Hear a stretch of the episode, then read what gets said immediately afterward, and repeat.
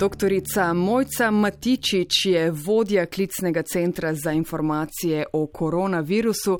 Čeprav epidemije kar naenkrat ni več, nekoliko nepričakovano se je zgodilo vse skupaj sredi noči. Uh, Mojca, dober dan, imate sploh kakšen klic danes? Dober dan, ja, tole pa je izzivalno vprašanje. Tale trenutek, ko resnično občutimo, da gre za D-Day v Sloveniji, komaj dihamo, čeprav smo dobro spali. Um, V prvi uri danes, med 8 in 9 uro, smo imeli 178 klicev, kar je tako rekoč eh, rekordno, uh -huh. na kateri smo tudi odgovorili. Uh, ampak lepo prosim, če lahko ustavimo malo konje, pojdimo od začetka, da malo predstavim, kaj se dogaja. Nasploh ta teden, v nedelo je bilo res klicev manj, smo že dosegli mejo pod 200. Uh, zdelo se nam je, čeprav smo se že zelo navadili na delo in nam je zelo všeč v tem centru, ker se mi zdi, da veliko dobrega lahko naredimo, da bomo počasi zamrli. Ampak v ponedeljek takoj ponovno skoraj 900 klicev, ta teden v povprečju 700 klicev, včeraj celo 70 iz tujine. Tako da danes računamo, da bomo presegli magično mejo 40 tisoč klicev. Ta teden v glavnem vprašanja prehanje meje, se veste, karantene, uh -huh. športne aktivnosti aktivnosti, pa seveda vzgojno-vadstvene in pa eh, šolske aktivnosti, ki se vračajo, uh mhm. -huh. ampak jasno, danes danes pa samo o novem odloku. Tako da smo že zjutraj bili zelo, zelo aktivni in naredili nekak povzetek vsega tega, zato ker resnično moramo zagotavljati zanesljive informacije in če jih še ni razbrati iz tega odloka, seveda kličemo, telefoni zvonijo in brnijo, da bi ja pridobili čim več realnih podatkov. Uh mhm. -huh. Mojca, kaj danes odgovarjate ljudem? Kaj to zdaj pomeni? Kaj smejo delati, če se še zmeraj ne, kaj je odsvetovano prepovedano? Povedano, kaj je z obveznim nošenjem mask in predvidevam, da največ vprašanj se nanaša na to, dokdaj vse to zares velja. Povzeli ste točno to, kar ljudje danes sprašujejo. Egzaktno to. Naše odgovori so pa tudi egzaktni, kolikor se le da. Zdaj pa dovolite, da sploh razložim, zakaj gre, ker mogoče prebivalke in prebivalci Slovenije ne razumejo čisto dobro, zakaj gre. Jaz sem infektologinja, pojdimo od začetka. Epidemija, kaj je definicija epidemije? Epidemija pomeni, da pride do enega nenadnega izbruha in enega hitrega širjanja neke nalezljive bolezni v populaciji, ki močno presega v kraju in času pričakovano obolevno, se pravi nekaj je zelo, zelo več kot običajno. Torej je razglasitev take epidemije resnično odvisna od pričakovane pogostnosti bolezni. Recimo po zimi smo vsi prehlajeni in običajen prehlad sigurno ne bomo razglasili za epidemijo. Če pa gre za neko redko bolezen, ki se pogosteje pojavi kot pričakovano, bomo pa rekli, da je to epidemija. Zdaj pridemo pa do preklica. Kdaj preklic epidemije? Seveda, dokler se uh, strokovno rečeno je to, dokler se neka bolezen ne povrne v neke pričakovane okvire, smo jih navajeni in rečemo, no zdaj pa spet v redu, zdaj pa tako kot običajno. Ampak zdaj imamo pa problem. COVID-a oziroma novega koronavirusa prej nismo poznali. Kaj pa je to pričakovano v, v povezavi z COVID-om? Kakšna situacija je običajna, normalna?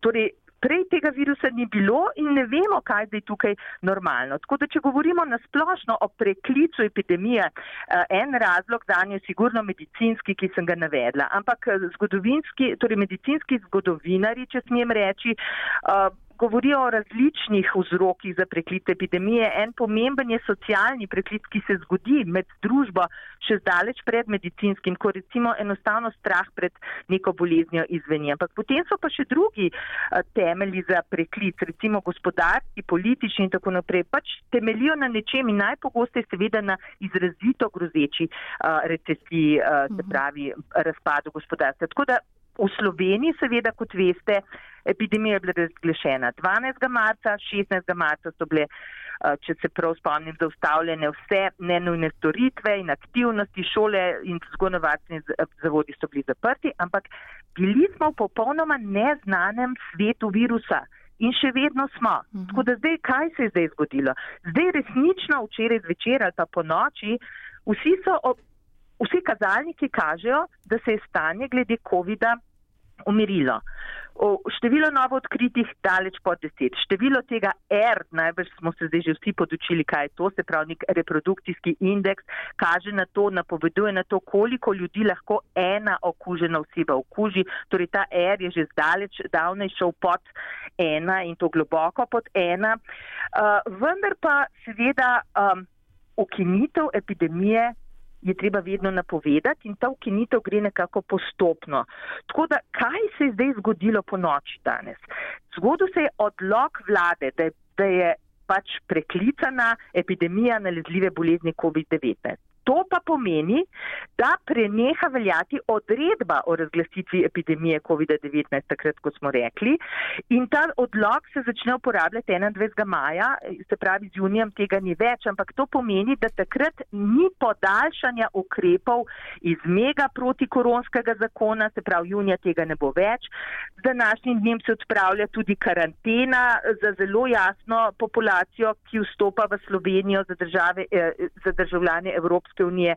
Ampak, to je pa pomemben, ampak ni pa odpravila ta, uh, ta, ta odlog, ni odpravil trenutnih ukrepov. To pomeni, zelo pomembno, še vedno moramo uporabljati vse splošne in posebne ukrepe v zvezi z epidemijo. Splošne, higiena rok, rokavice, kot je bilo rečeno, distanca fizična, higiena kašla, razkuževanje, ne gremo bolni v skupnost, v službo, v šolo.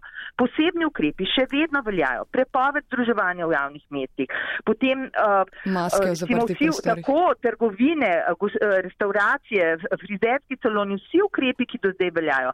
Še posebej pa v ponedeljek začne obratovati šole, sicer v eh, posebnem programu, ampak vendarle. Tako da vse to še velja, virus je še tu. Uh -huh. Mojca Matičič, to sem vas želela vprašati, ko omenjate eh, šole, uh, zdaj pač postiva ta preobrat danes po noči. Zagotovo v zadnjih dneh najbolj vroča tema je uh, vrnitev otrok v šolo in se mi zdi, da marsikdo ne razume, zakaj so šole tako uh, posebne, čeprav so otroci daleč najmanj ogrožena populacija. Kaj jim odgovarjate? Ja, to je res, da so otroci najmanj ogrožena populacija, ampak vprašanje je, a bomo mi odrasli oziroma starejši zaradi tega bolj ogroženi. Vedeti morate, da gre tukaj za 165 tisoč otrok, 36 tisoč zaposlenih v šolstvu in zgojnovarstvenih ustanovah. Zakaj sploh tok, oprostite besedi, kompliciramo v zvezi z uh, otroci? Najverjetneje zaradi tega, ker so temeljne postavke uh, bile uh, uležane na gripo. Namreč nosilci uh, gripe Nosilci epidemije so definitivno otroci, žrtve so pa starejši. Angliži pravijo a kiss of death, če dedek podljubi otroka, ki je okužen. Res in mhm. temu je tako. In ena pomembna raziskava, ki so američani naredili v obdobju uh, gripe med leti 2010 in 2011, 1440 ljudi so gledali, 328 družin, vse so imeli otroke. 300 je bilo okuženih, ampak v 60 odstotkih so bili otroci mlajši od 9 let, tisti, ki so prinesli uh, to okužbo svojim starejšim, odraslim in tako naprej. In seveda zaradi tega lahko povzročili nehote tudi smrt. Kako je zdaj s COVID-om? Tukaj pa ne vemo. Ne? Žrtve so starejši, to je dejstvo. Ampak ali so otroci tudi nosilci epidemije? Tukaj pa mislimo, da niso.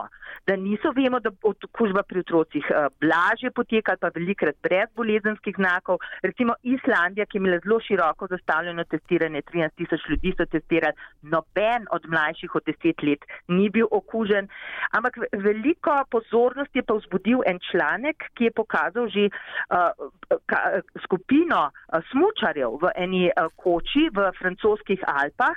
Torej 15 jih je bilo nastanjenih, en je pri prinesel okužbo. Uh, kar 12 od 15 se jih je okužilo, med njimi tudi en deček star 9 let. Ampak ta deček ima izredno blage simptome, je še smučal in je bil pravzaprav z simptomi v stiku z 72 osebami, tudi z dvema sorojencema, pa nikogar ni okužil. Kasneje so vsi tri otroci v tej družini imeli gripo, pa prehlad, ampak hočem reči, na, te, na, te, na, tej, na tem mejšni skupinici se sledijo mnoga predvidevanja, ampak tudi prihaja nova na nizo nizozemskem recimo so sledili 43 kontaktom okuženih otrok, pa noben se ni okužil, medtem ko na kitajskem pa poročajo, da so v desetih odstotkih vendarle otroci tisti, ki prenašajo okužbo. Tako da bolan otrok je enako okužen, brezsimptomni otrok pa zgleda, da je tudi enako okužen. Šestmesečni otroček okužen je imel v žrelu tok virusa kot en odrasel okužen. Tako da kaj je zdaj ta problem? Problem je, da tega ne vemo. Res pa je, da vsi teli podatki, da otroci niso najbrž kužni, izhajajo iz obdobja, ko, že bila, um, ko so že bili uvedeni vsi ukrepi, ko niso delovale šole. Pravzaprav nimamo podatkov za realno življenje, ko vse deluje. Kaj pa je takrat? A tudi takrat otroci niso kužni in prenašalci. Namreč vemo, da se otroci po dokazanih podatkih trikrat bolj razpredeno mrežo socialnega druženja imajo kot odrasli. Tudi če so manj kužni ne, ali pa manj prenašalci okužbe, kaj te to pomeni? Tako da ne boste verjeli. Znanstveniki se gledajo en drugega in čakajo, kaj se bo zgodilo, ko se bodo šole odprle. To je nek mhm. naravni eksperiment. Mhm. Ne morem drugega reči, tudi pri nas se bo zgodil, moram reči, da smo zelo, zelo previdni, ampak mislim, da je prav, ker gremo v neznano. Res je. Doktorica Mojca Matičič, konec epidemije, torej ne vem, kaj to pomeni za naše pogovore z vami na valu 202. Ne, zagotovo se še kaj slišimo, kaj boste dodali na koncu. Ja, no, na koncu je, uh, mislim, da klicni center bo še deloval, ker smo v Sloveniji spet na kritični točki, tudi tokrat na drugi točki. Zdaj pa, ali bomo mi zmogli? Zdaj smo pa tako kot švedi. V švedskem, kot veste, ni bilo ohromljeno javno življenje, ni mhm. bilo neke obveze, veliko je bilo priporočenega. Torej, vlada je zaupala odgovornosti državljanov. A zaupamo zdaj tudi mi sami sebi? To je vprašanje in bom kar povedala. Seveda smo zdaj že napovedali, zdaj bojo posamezna žarišča. Imamo v Ljubljani eno žarišče, zele, mečkano. Epidemiologi so ga takoj uh, raziskali, ampak nas je ta teden klical en gospod, ki je bil v kontaktu z okuženo osebo, ampak okužena oseba ga ni navedla epidemiologom kot možen vir. Sam nas je klical, hm. samo zaščitniško, zakaj me niso poklicali, ne takoj smo seveda mi ukrepali. Ampak to bo zdaj realnost ne, za aplikacijo, eh, ki bi eh, nam pokazala, kje se gibljajo okuženi in ali smo bili v stiku z njimi, se nismo zaenkrat odločili. Tako da, eh, kaj preostane zdaj najranljivejšim, starejšim, a veste, to, je, to so huda vprašanja. Seveda virus ostaja med nami, tako da dejansko kultura življenja se spreminja, kultura higijenskih norm se spreminja, da ne bomo ustvarjali situaciji spet nove epidemije, virus ostaja, jasno, da kadarkoli se spet epidemija lahko razglasi, ampak nekaj moramo pa vedeti. Država, predvsem pa zdravstveni sistem je išel kot zmagovalec. Gre pa samo za bitko, ne vojna seveda še zdaleč ni izgubljena, tako da moje zaključne besede, če smem reči, da je resnično, dajmo se zavedati, zdravje je naša največja vrednota in skrb za zdravje je temelj tudi za ohranjanje gospodarstva in vsega drugega. Tako da zdaj je tukaj ura resnice, res je na nas, kako se bomo vedli naprej, kako bomo vzdrževali te higijenske norme uh, in se jih držali. Upam, da so vas vsi slišali. In vas ja, lahko še večkrat bomo posnetek shranili na spletno stran. Doktorica Mojča, Mojca Matičič, hvala lepa, uspešen dan seveda. Hvala tudi vam. Srečno nasvidenje.